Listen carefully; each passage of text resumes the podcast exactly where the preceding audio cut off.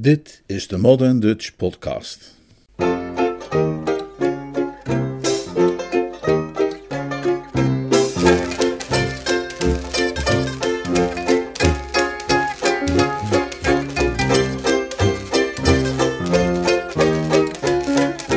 Scheppen met geld.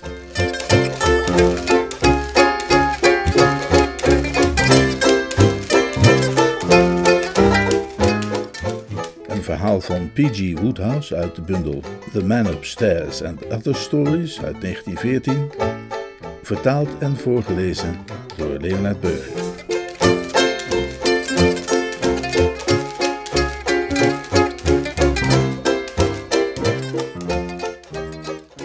Owen Bentley voelde zich opeens heel verlegen worden.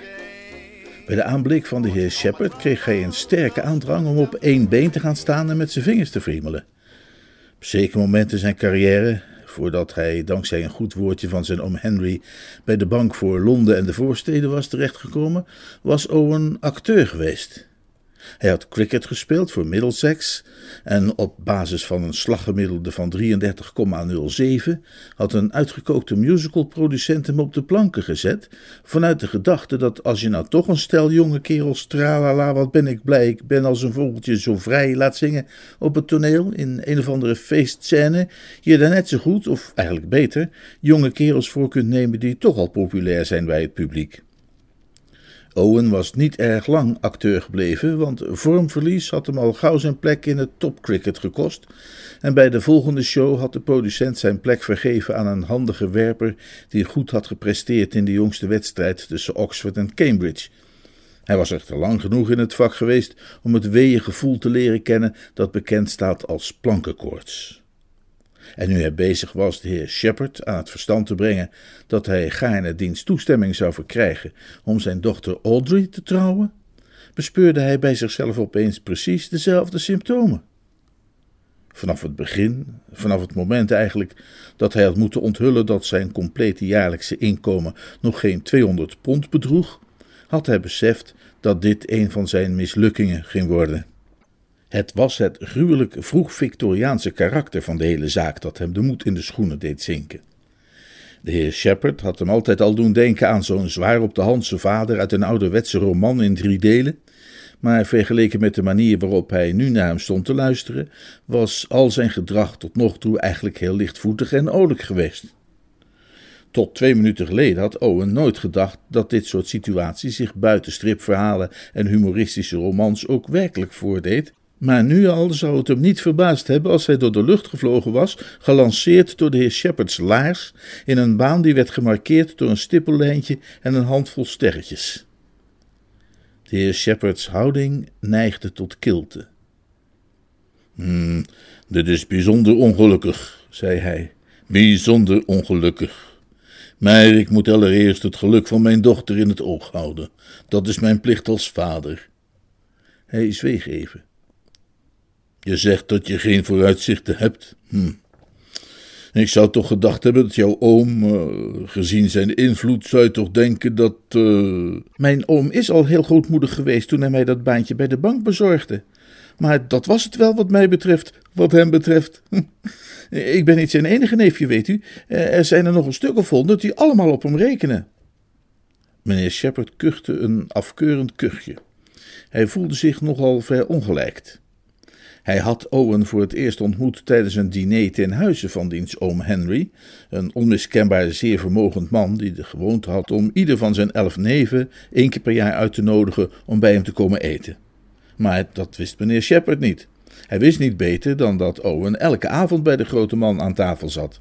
Hij wilde nu ook weer niet beweren dat Owen een vals spelletje had gespeeld door de uitnodiging die jij hem had gegeven voor een bezoek daadwerkelijk aan te nemen en dat bezoek daarna nog vaak genoeg te herhalen om de huidige betreurenswaardige situatie mogelijk te maken. Maar hij vond in ieder geval dat het van meer fatsoen had getuigd als de jongeman zich wat bescheidener had gedragen. Zeg maar meer als een bankbediende dan als een erfgenaam. Het spijt me bijzonder, meneer Bentley, zei hij. Maar u zult begrijpen dat ik onmogelijk. Uh, uh, daar kan uiteraard geen sprake van zijn. Het, het, is naar mijn mening het beste onder de omstandigheden dat u mijn dochter verder niet meer ontmoet. Maar, maar, maar, Ze staat op de gang te wachten, stamelde Owen. Na vandaag. Goedendag. Owen verliet het vertrek. Audrey drentelde rond in de buurt van de deur. Ze kwam snel naar hem toegelopen en zoals altijd knapte hij meteen alweer een stuk op toen hij haar zag. En? vroeg ze. Hij schudde zijn hoofd. Foute boel, zei hij. Audrey dacht even na en kreeg een idee voor een oplossing. Zal ik naar binnen gaan en een potje huilen? Dat haalt niks uit. Vertel eens hoe het ging. Ik mag je niet eens meer ontmoeten, zei hij. Dat meende hij niet. Nou, hij dacht zelf van wel. Audrey peinsde weer even. Nou, dan moeten we elkaar gewoon schrijven. En we kunnen natuurlijk bellen. Dat is niet ontmoeten, hè? Heb je telefoon op je werk? Ja, maar. Uh, nou, dan is het toch goed? Dan bel ik je iedere dag op. Ik wou dat ik op de een of andere manier een hoop geld kon verdienen, zei Owen peinzend. Maar volgens mij ben ik het soort van figuur dat daar helemaal niet goed in is. Niks lukt van wat ik probeer. In iedere loterij trek ik alleen maar nieten. Ik doe aan alle prijsvragen mee, het kost me kapitaal aan postzegels, maar ik win nooit wat. En een keer terwijl ik op tournee was, heb ik een ongeluk gewerkt aan het dramatiseren van een roman wat ook helemaal niks geworden is. Oh, welke roman was dat? Ja, iets dat Witte Rozen heette, van ene Edith Butler. Audrey wierp hem een snelle blik toe. Jij kent haar zeker erg goed? Waren jullie erg bevriend? Nee, ik ken haar helemaal niet.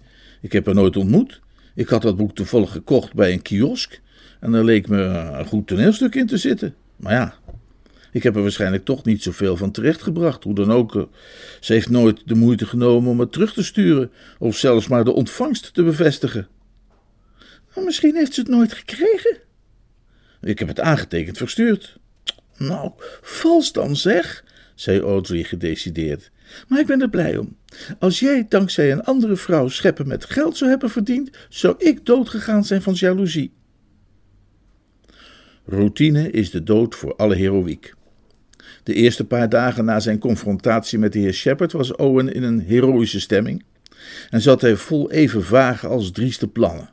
Hij zou de wereld wel eens even wat laten zien. Hij stond er helemaal klaar voor, tot de tanden gewapend. Maar de alledaagse routine van groot boek, carbonpapier en klanten aan de balie veroorzaakte al gauw een grauwe wolk die zijn horizon verduisterde en zijn regenboogkleurige visioenen van plotselinge spectaculair verkregen rijkdom doofde. Elke dag verdween er iets meer glans en nam de hopeloosheid toe. Als die glans niet helemaal verdween, was het dankzij Audrey, die haar belofte om hem dagelijks op te bellen meer dan vervulde. Ze belde hem elke dag, en vaak meer dan eens, wat met een scherp kritisch oog werd opgemerkt door de chef van de afdeling, een man zonder hart, en bovendien met weinig lust om het werk van zijn ondergeschikte voor hen te doen. Gewoonlijk was Audrey's telefonische conversatie aangenaam, maar weinig samenhangend, en zelden ging het echt ergens over. Maar op zekere morgen had ze serieus nieuws voor hem. Owen? En haar stem klonk opgewonden. Heb je de krant gezien vanmorgen? Moet je horen. Ik zal het je voorlezen. Luister je? Hier staat: In het Piccadilly Theater gaat binnenkort een gedramatiseerde versie in première van Edith Butler, populaire roman Witte Rozen. In een toneelbewerking van de schrijfster zelf. En in een ijzersterke bezetting, waaronder. Uh, dan krijg je een heleboel namen. Hè? Wat ga je daaraan doen, Owen? Wat ik daaraan ga doen? Ja, snap je dan niet wat er is gebeurd? Vreselijke mens heeft jou stuk gejat. Ze heeft een paar jaar gewacht in de hoop dat jij het zou vergeten. Oh, wat lach je nou? Ik lach helemaal niet. Jawel, je lachte wel. Het kriebelde in mijn oor. Als je het nog een keer doet, hang ik op. Je gelooft me niet? Wacht maar eens af, dan zul je het zien. Edith Butler doet zoiets niet, dat kan ze helemaal niet. Hij bleef even stil aan de andere kant van de draad. Je had toch gezegd dat jij helemaal niet kende, zei Audrey, met een jaloerse klank in haar stem. Nee, nee, dat doe ik ook niet, dat doe ik ook niet, zei Owen haastig. Maar ik heb haar boeken gelezen. Dat is allemaal je Rijnse sentimenteel gezwijmel. Dat mensen zijn literaire ui, de tranen lopen je bij over de wangen. Die kan geen stuk jatten, zelfs al zou ze het willen. Je kunt de schrijver niet beoordelen op grond van zijn boeken, of haar boeken dan. Ga maar eens naar dat stuk kijken, zodra het loopt, dan zul je zien dat ik gelijk heb. Ik weet zeker dat het mens probeert je te beduvelen. En lach niet zo akelig. Oké, ik had gezegd dat ik op zou hangen en dan ga ik het doen ook. Aan het begin van de nieuwe maand brak Owens jaarlijkse vakantie aan. De bestuurders van de Bank voor Londen en de voorsteden waren niet kinderachtig. Ze zagen in dat een mens geen machine is. Zij gunden hun werknemers tien dagen per jaar om hun gestel weer op orde te brengen voor de volgende twaalf maanden hard werk. Owen had zijn jonge jaren doorgebracht in een dorpje in Shropshire, waar zijn vader dominee was geweest, en in zijn vakanties ging hij daar altijd weer logeren op de boerderij van ene Dorman. Hij was blij om naar Shropshire te kunnen gaan. Het landschap daar, met zijn groene akkers en rivieren in miniatuurformaat, had een troostende uitwerking op de gewonde ziel en vormde een plezierig decor voor sentimentele overpeinzingen. Op de boerderij was het heel gezellig. Het huishouden bestond uit boer Dorman, die een oude kennis was van de familie, zijn tien jaar oude zoontje George en Dormans oude moeder, een bejaarde vrouw die in de wijde omgeving een reputatie had van grote wijsheid. Men zei dat de toekomst voor haar geen geheimen had en het was alom bekend dat zij door middel van bezweringen wratten kon genezen en gekneusde vingers en zelfs wormkoorts. Owen had gedacht dat hij, eh, afgezien van deze drie, alleen zou zijn in huis, maar dat bleek niet het geval. Er stond een voorhistorische piano in zijn kamer en op de tweede ochtend van zijn verblijf kreeg hij opeens een ontzettende zin om daarachter te gaan zitten en het schone lied Ashtor te zingen. Een ballade waarvan het vette pathos hem op dat moment bijzonder aansprak en waarbij hij zichzelf begeleidde in een handig arrangement van drie akkoorden. Hij was echter nog maar nauwelijks begonnen toen Doorman een beetje nijdig verscheen. Neem mij niet kwalijk, meneer Owen, zei hij. Ik was vergeten te zeggen, maar er logeert een of ander literair type meer in het eh, kamertje boven. En die mag absoluut niet gestoord worden. Een dof gestamp op de vloer, die van hieraf gezien het plafond was, onderstreepte zijn woorden. Hij is een boek aan het schrijven, ging Doorman verder. Gisteren heeft die kleine George een draai om zijn oren gegeven, omdat die trompet stond te blazen onderaan de trap.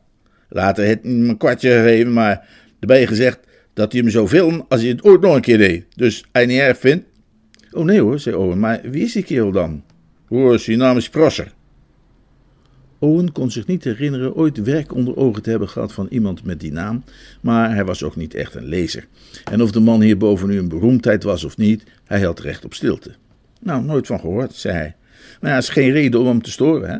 Laat hem rusten in vrede, zeg. Ik, ik, ik zal me van verdere muzikale uitspattingen onthouden.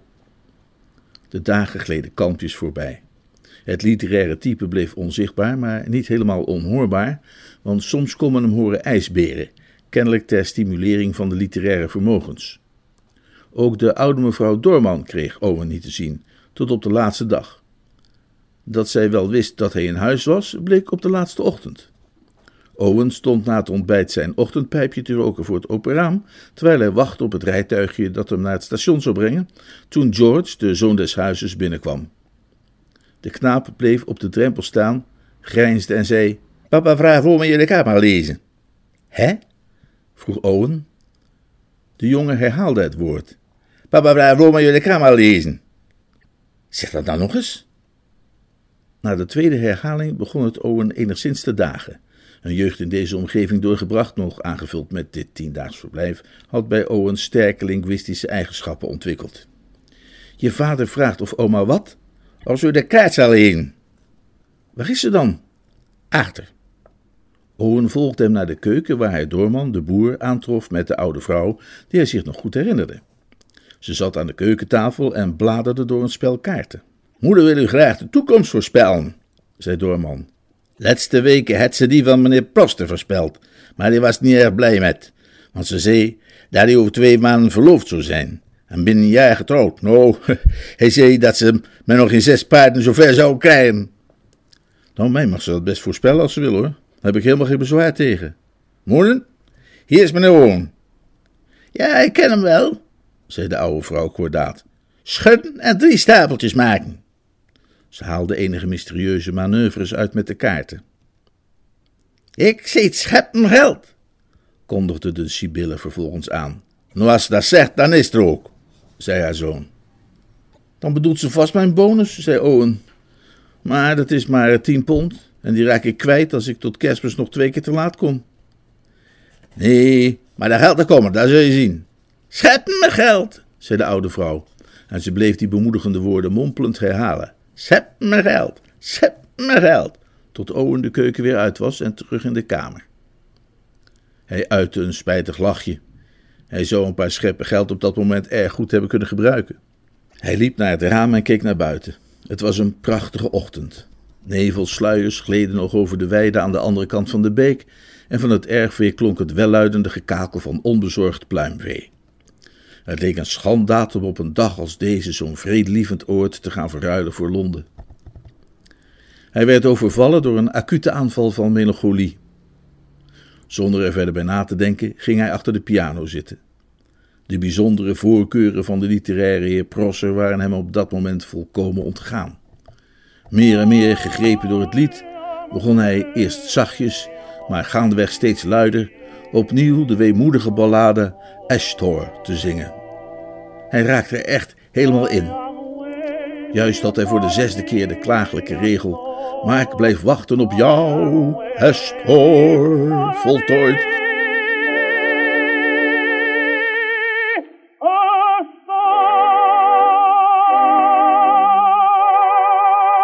En goochelde hij wat met zijn drie akkoorden om weer vooraan te kunnen beginnen, toen er een heel brood langs zijn oor suisde. Het miste hem op een haar na en sloeg de pletter tegen een gipsen beeldje van de profeet Samuel als kind dat op de piano stond. Het was een eenheidsbrood, bevattende 80% volkoren en vermorzelde de jeugdige Samuel zo goed als geheel. Op hetzelfde ogenblik klonk er achter hem een woest en dreigend gesnuif. Hij draaide zich om. De deur stond open en aan de andere kant van de nog gedekte tafel stond een grote kerel in hemdsmouwen en met een zwarte baard, wiens houding sterk deed denken aan die van Ajax die de bliksem uitdaagt. Zijn handen beefden. De haren van zijn baard stonden overeind. Zijn ogen fonkelden woedend onder enorme wenkbrauwen. En terwijl Owen naar hem omkeek, donderde zijn stem met het lawaai van een kanonsalvo: Hou op! Owen had zijn gedachten, die van een dromerige toekomst abrupt moesten overschakelen op een levendigheden, niet direct onder controle.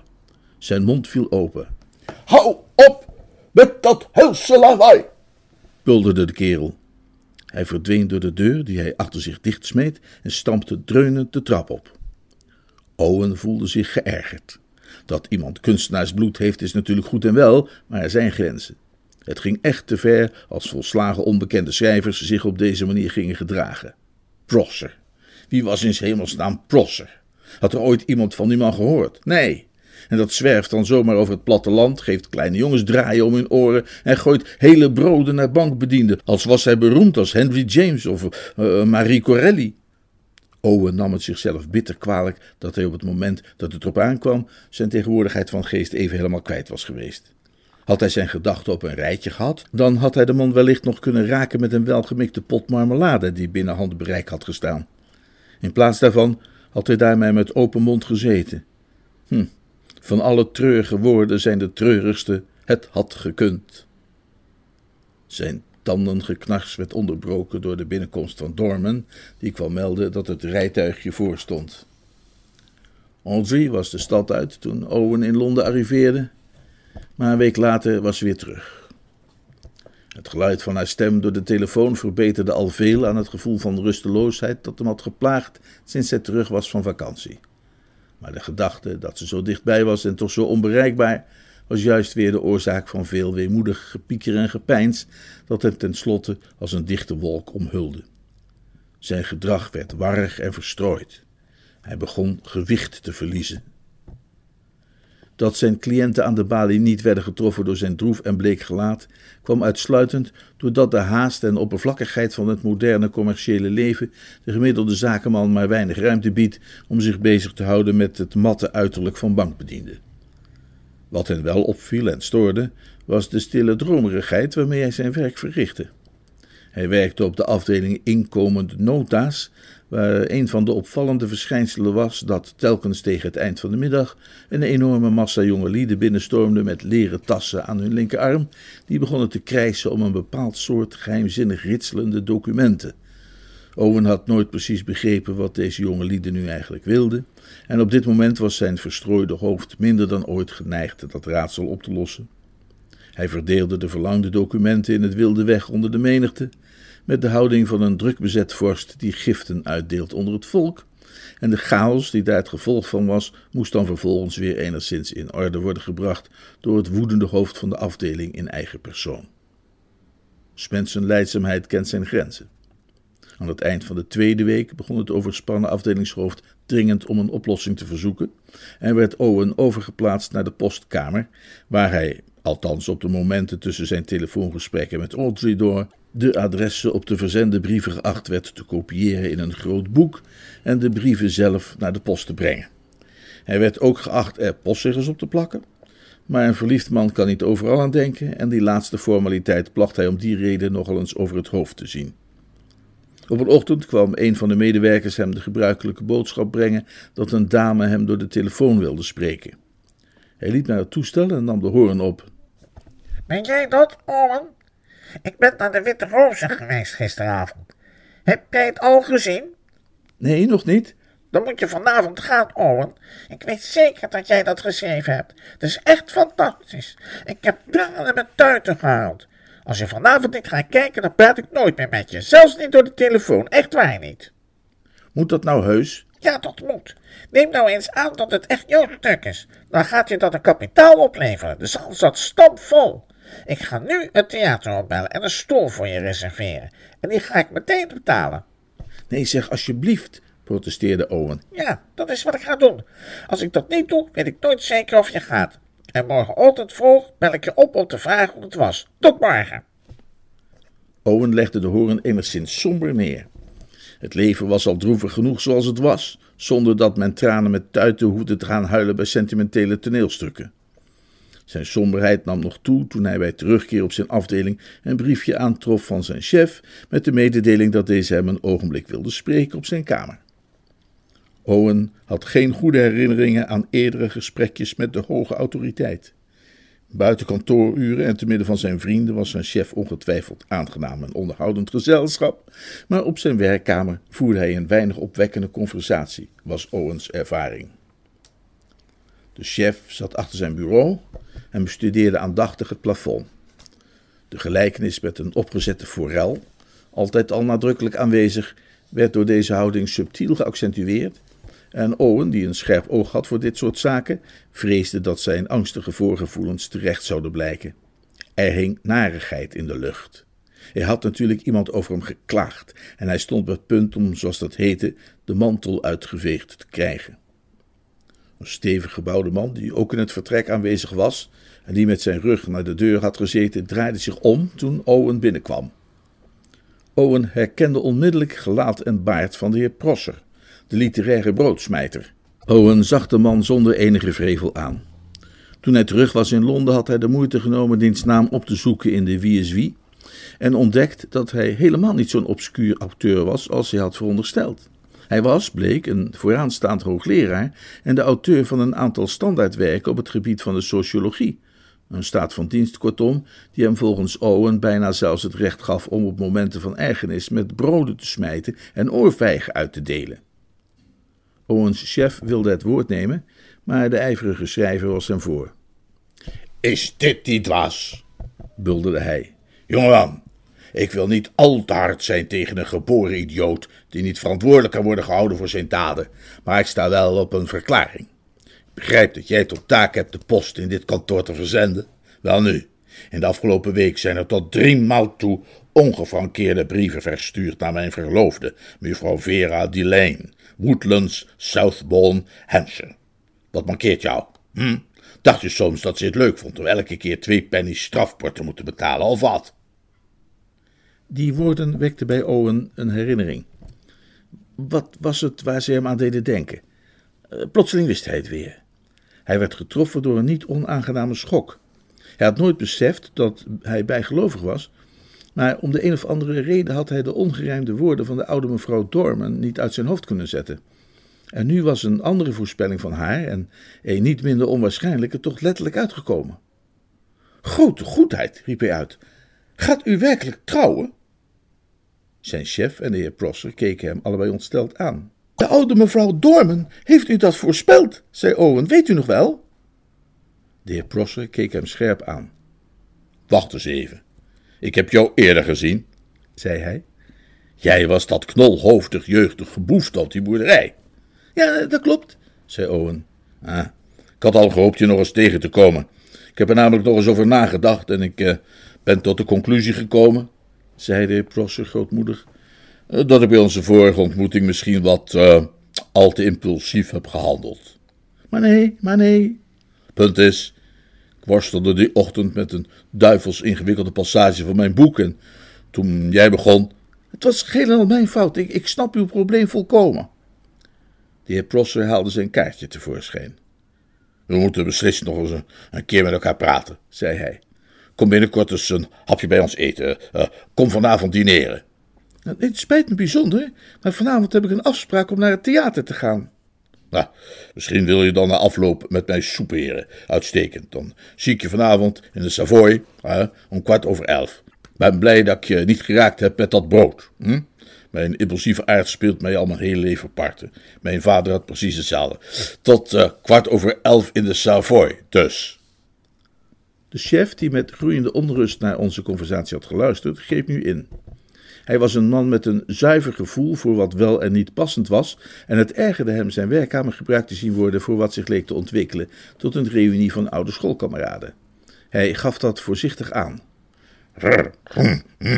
merkte hij afkeurend op. Uh, meneer Bentley, dat is alles. U kunt weer aan het werk. Hm. Is je voortaan verzorger bij het frankeren van uitgaande post. Ja, verdorie, zei de heer Prosser, die zo aan Owens tekortkomingen herinnerd werd. Dat is waar. Uh, wees wat accurater, hè? Massief schedelig individu. Dacht je misschien dat mevrouw Delane pennies te veel heeft? Hou hem in de gaten, spoorde hij de chef aan. Die jongelui van tegenwoordig hebben iemand nodig die een stok achter de deur weet te vinden, hè? Wees de volgende keer wat secuurder, jongeman. Kwart over elf, denk eraan. Schrijf die in agenda, want anders vergeet je dat ook nog.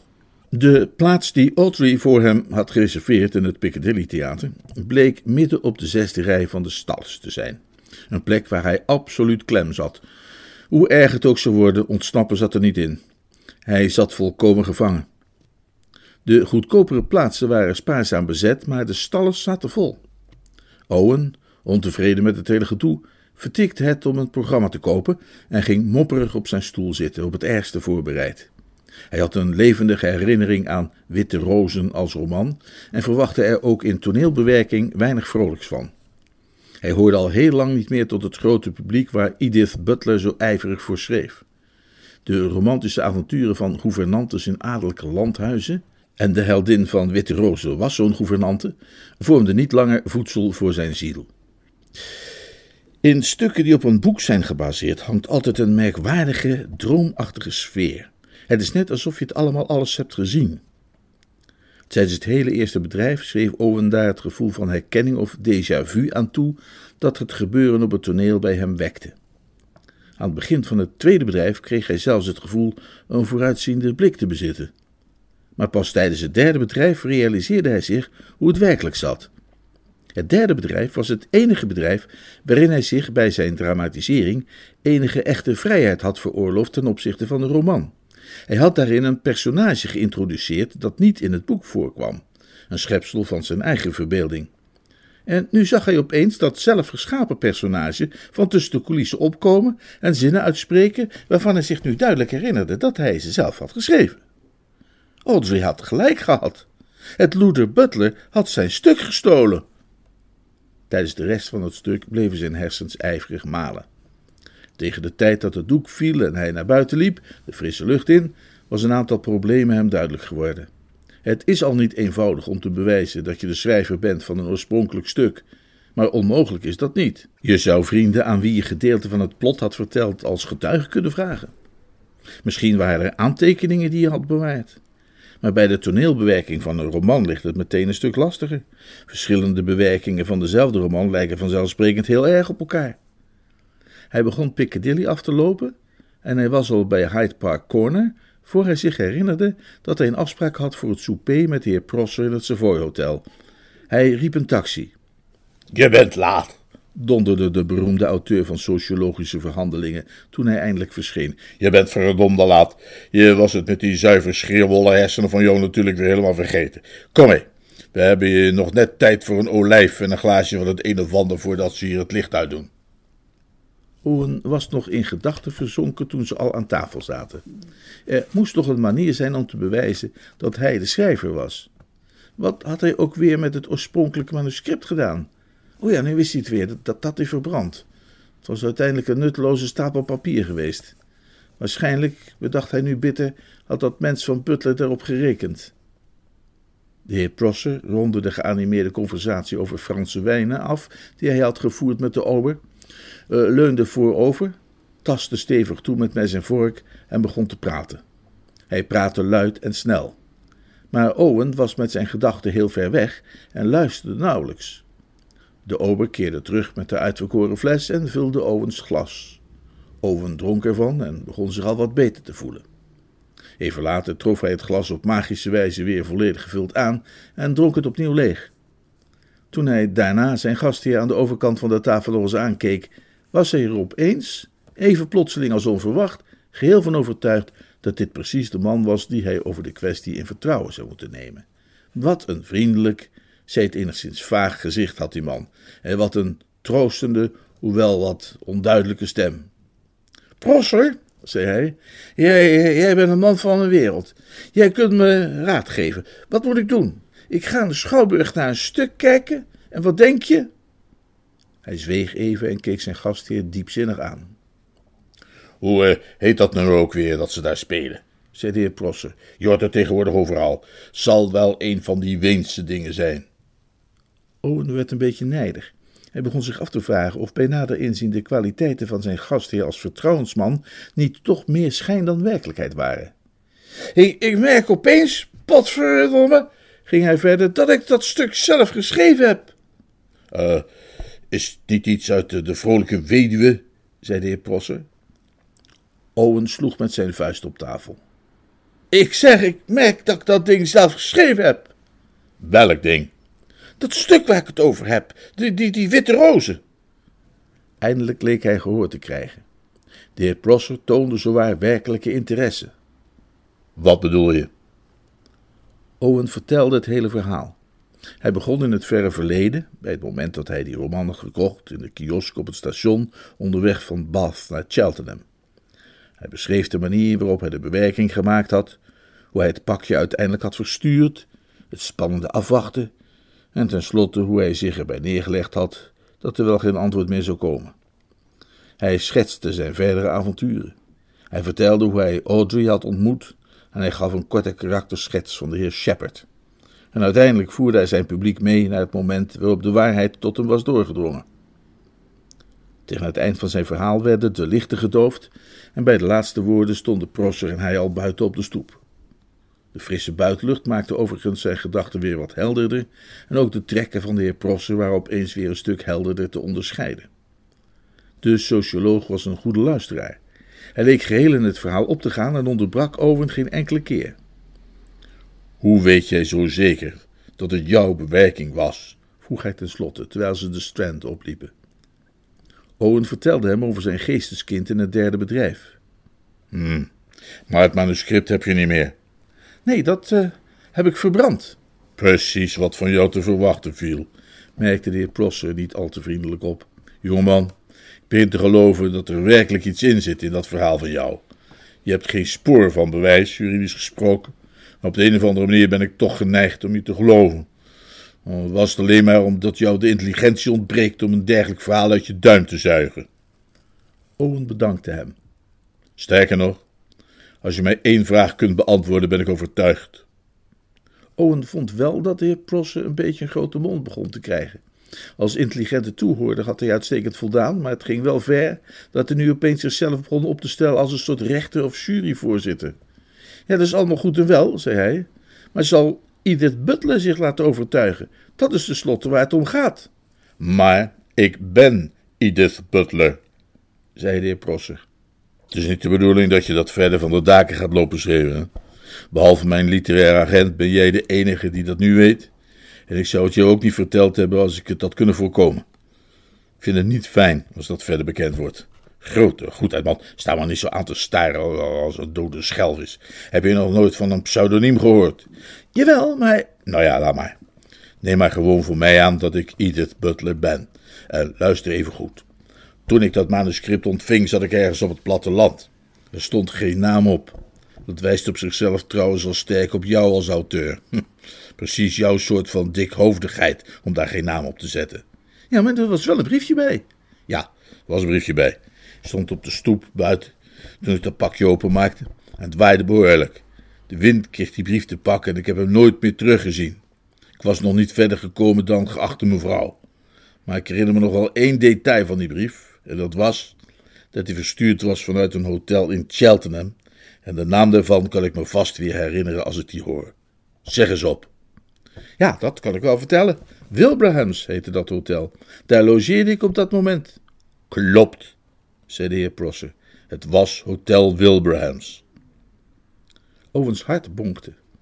Heel even was hij volkomen in de wolken. Dus u bedoelt dat het in orde is, dat u gelooft? Jazeker, zei de heer Prosser. Maar tussen haakjes. Vanavond was de laatste voorstelling van Witte Rozen. Het is een enorme flop geworden. Owens hart bevroor. Maar, maar, stamelde hij, het zat vanavond stand vol. Klopt, maar nauwelijks iets verkocht, uitsluitend vrijkaarten. Het was de ergste flop van het hele seizoen, maar we wilden niet met een lege zaal afsluiten. En het was precies, riep hij met plotselinge felheid uit, precies zoals ik had voorspeld. Ik heb ze wel honderd keer gezegd dat dit stuk in Engeland niet aan zou slaan. Londense publiek moet niets hebben van dit soort sentimenteel geleuter. Owen bleef staan en keek om zich heen. Aan de overkant stond een taxi.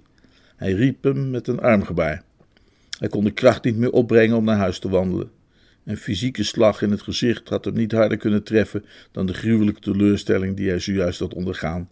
En dat nog wel op het moment dat alles als door een wonder eindelijk juist zo goed leek te gaan voor hem. Ja, ja, liever uh, rijden dan lopen, zei de heer Prosse en stak zijn hoofd door het raam naar binnen. Luiheid, gemakzucht, hoogst typerend voor de jeugd van deze tijd. De chauffeur vraagt trouwens waar je moet wezen. Owen noemde zijn adres. Het schoot hem te binnen dat hij zijn gastheer nog helemaal niet bedankt had voor diens uh, gastvrijheid. Het was uh, ontzettend vriendelijk van u om mij uit te nodigen, meneer Prosse, zei hij. Ik heb erg genoten. Hm.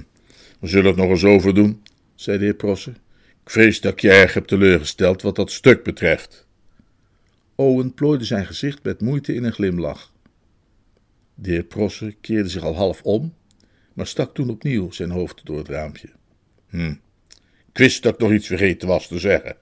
Ik uh, had je nog moeten vertellen dat het stuk in Amerika is geproduceerd voordat het naar Londen kwam. Het heeft twee seizoenen gelopen in New York en één in Chicago. En er zijn nog steeds drie gezelschappen die ermee door de provincie toeren. Hier heb je mijn kaartje. Kom morgen even bij me langs. Ik kan de precieze bedragen niet zo uit mijn hoofd opnoemen, maar je houdt er flink wat aan over. Bij elkaar zijn het echt scheppen met geld.